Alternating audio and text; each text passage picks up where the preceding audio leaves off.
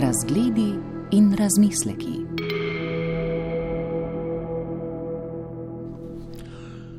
Na Bovšjem sejmu na robu Pariza poleti leta 1945 stoji mlad človek s parom nemških vojaških škornjev v rokah in jih ponuja mimoidočim. V tem človeškem mravlišču, polnem vsakovrstnih prekupčevalcev in črnoborzijancev, ljudje prodajajo in kupujejo najbolj nenavadne in komaj uporabne stvari. Nemških vojaških škodnjev, čeprav so iz čvrstega usnja in videti povsem uporabni, ne kupi nihče. Ljudi na sejmu je zmeraj manj, množica odteka kakor neslišna voda.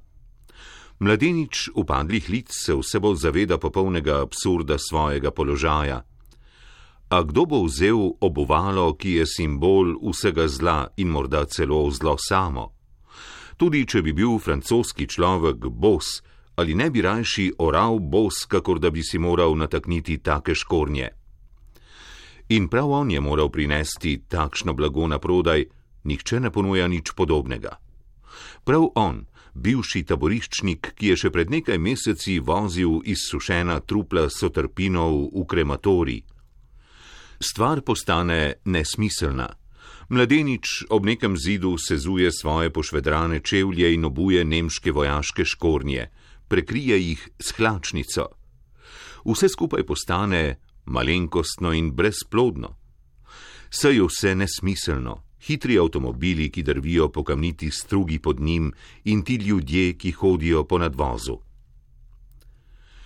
Neuspešni prodajalec škornjev je junak romana Borisa Pahorja Spopad s pomladjo, ki ga je spomladi tistega leta iz koncentracijskega taborišča Bergen-Belsen čez holandsko ravnico pripeljal vlak z nemogočimi potniki.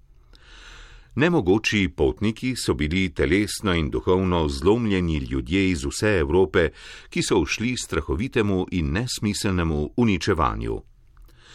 Znašli so se v nekem pariškem sanatoriju na robu mesta, ki je bilo svojo eksplozijo pomladanskega in osvobojenega življenja čisto nasprotje smrtnih zimskih pokrajin, kakršne so ostale za njimi. In junak tega romana, v katerem se prepletata Eros in Thanatos, tržaški slovenec, povsem osamljen mlad človek, ki za seboj nima samo uničevalnega lagerja, ampak tudi hudo izkušnjo s fašizmom, z vojaščino v italijanski vojski na saharskem pesku, slovensko odporniško ilegalo po kapitulaciji Italije, zasliševanji gestapa in smrtjo svoje ljubljene, v resnici ni nihče drug kot avtor sam z drugim imenom, alter ego Borisa Pahorja.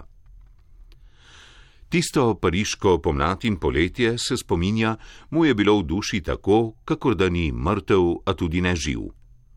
Vendar je bil živ, vedno bolj, iz Pariza se je vrnil v svoj rodni trst.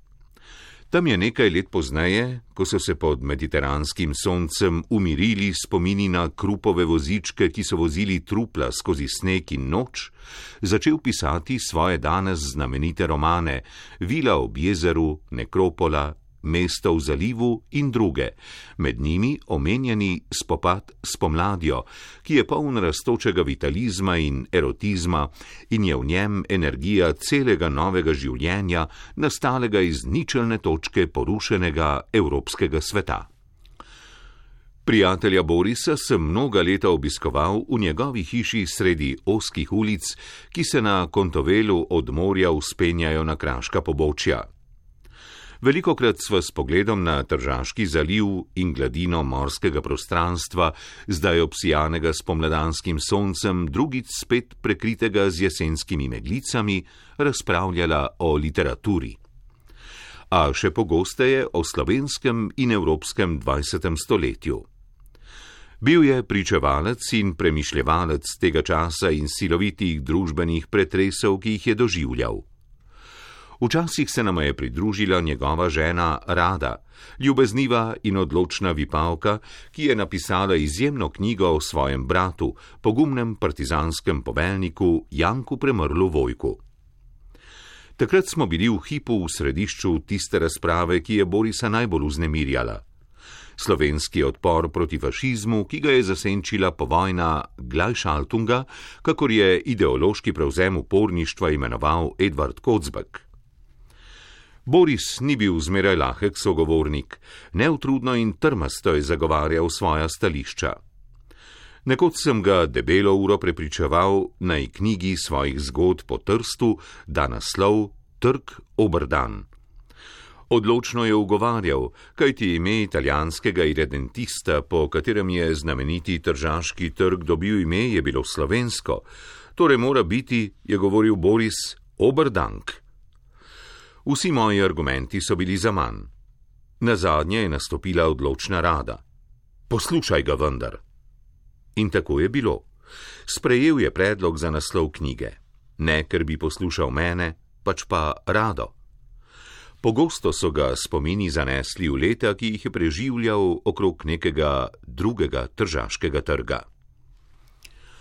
Otroštvo je preživel spodaj, v središču mesta okrog trga Ponteroso, in od tam je tudi prva izkušnja z nasiljem podivjane množice, izkušnja z ognjem, ki se je v njegovem spominu in njegovih besedilih ponavljala tudi potem, ko so jo prekrili plameni ognja iz krematorija. Še preden so fašisti v Italiji prišli na oblast, so v Trstu v samem središču mesta požgali veličastno stavbo arhitekta Maxa Fabianija, slovenski narodni dom. Pahorjeve otroške oči so videle navdušene obraze, ki so pozdravljali plamene in črnosrajčnike, ki so med tuljenjem sekali gasilske cevi, da je lahko poslopje temeljiteje pogorelo. Videle so tudi garmade pred Verdijevim spomenikom, na katerih so gorele slovenske knjige. Prav v Trstu je fašizem v času, ko so mu futuristi posvečali svoje slavilne verze in drzna dejanja, prvič pokazal svoj pravi obraz. Sovraštvo do vsega tujerodnega in barbarskega, svojo uniformirano teatralnost in ulično brutalnost. Borisa Pahorja je izkušnja s fašizmom zaznamovala za vse življenje. Pravica do kulturnega, kmalo zatem pa kratko malo fizičnega obstoja slovencev v Italiji je postala in tudi po vojni ostala leitmotiv dela njegove literature, pozneje pa tudi angažirane publicistike. Kritiki, ki so mu očitali, da se preveč ukvarja z nacionalno problematiko, so pozabljali, da zatem stoji globoka eksistencialna izkušnja prepovedanega jezika, zatirane kulture in ogroženih življenj. Pozabili pa so tudi na to, da se je Boris Pahor med študijem humanistike na Univerzi v Padovi dobro seznanil z italijansko književnostjo in ne samo, da jo je v letih po vojni na liceju v Trstu poučeval, ampak je tudi veliko pisal o njej, dolgo vrsto esejev z občudovanjem njenih estetskih in etičnih vrednosti. Boris Pahor s svojim prizadevanjem za pravice do obstoja slovenske manjšine ni bil nasprotnik Italije, temveč fašizma in po vojni njegovih nacionalističnih recidivov, ki so posebej izrazito cveteli v Trstu.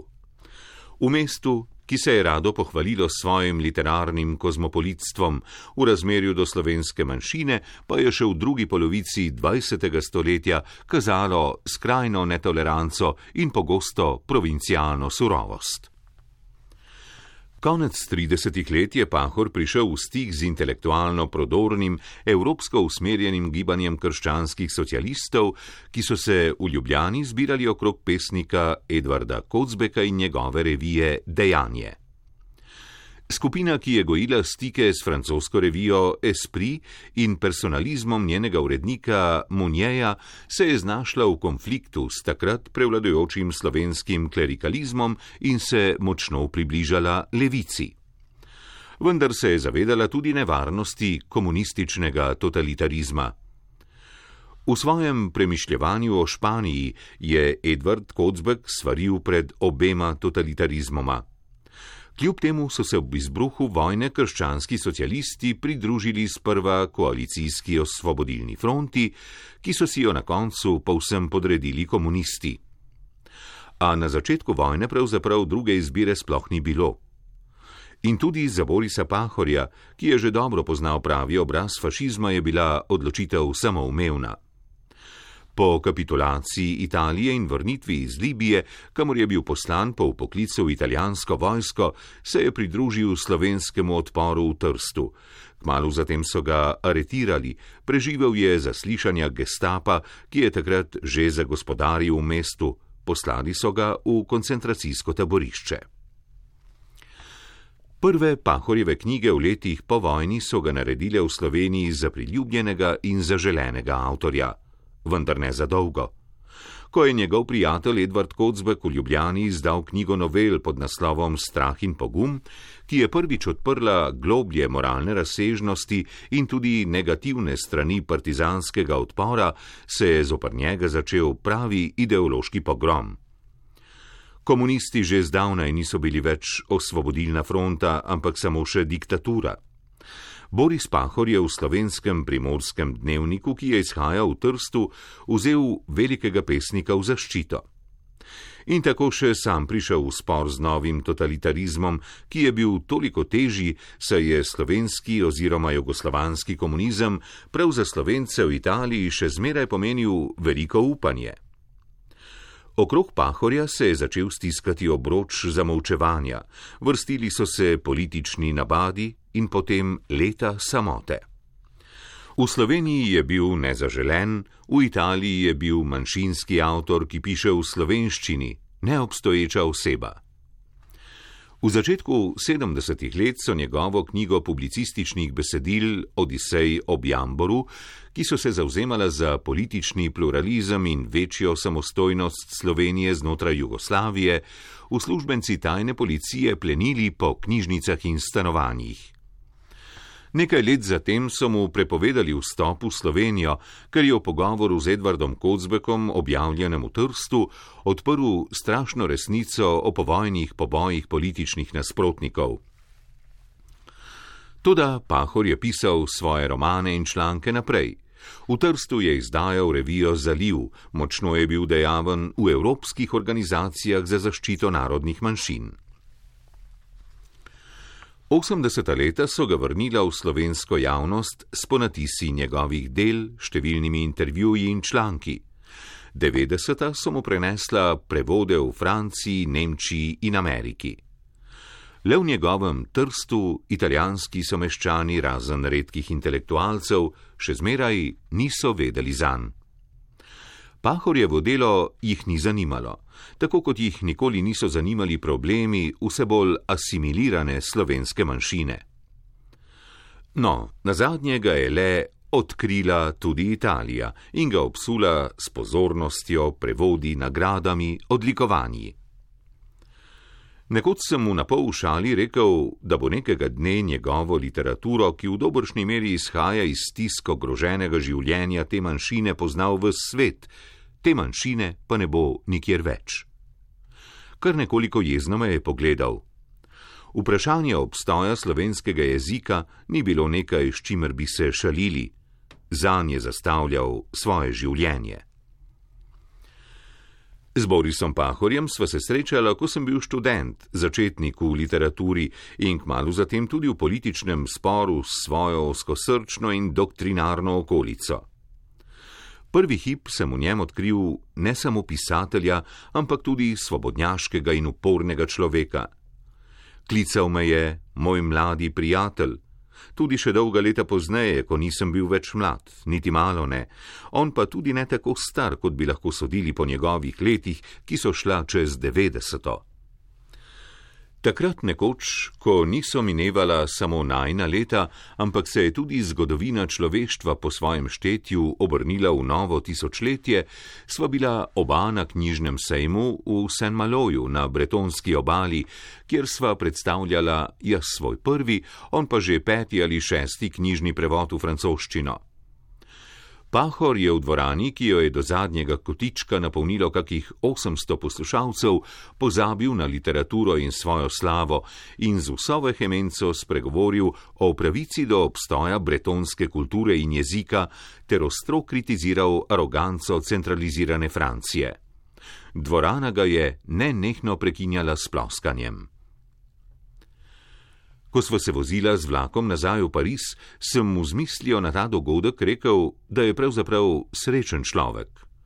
Ne samo zato, ker njegovo literaturo, ki so jo v Sloveniji kakšni kritiki omalovaževali, a jo zdaj pozna in ceni lep del Evrope in Amerike, tudi ne zato, ker so marsikatere njegove prepovedane misli, recimo o demokratični Sloveniji, postale resničnost, pač pa zato, ker je preživel ideološko in totalitarno stoletje kot kamijevski lom revolte in ga veselje do kritike in disputiranja ni nikoli zapustilo.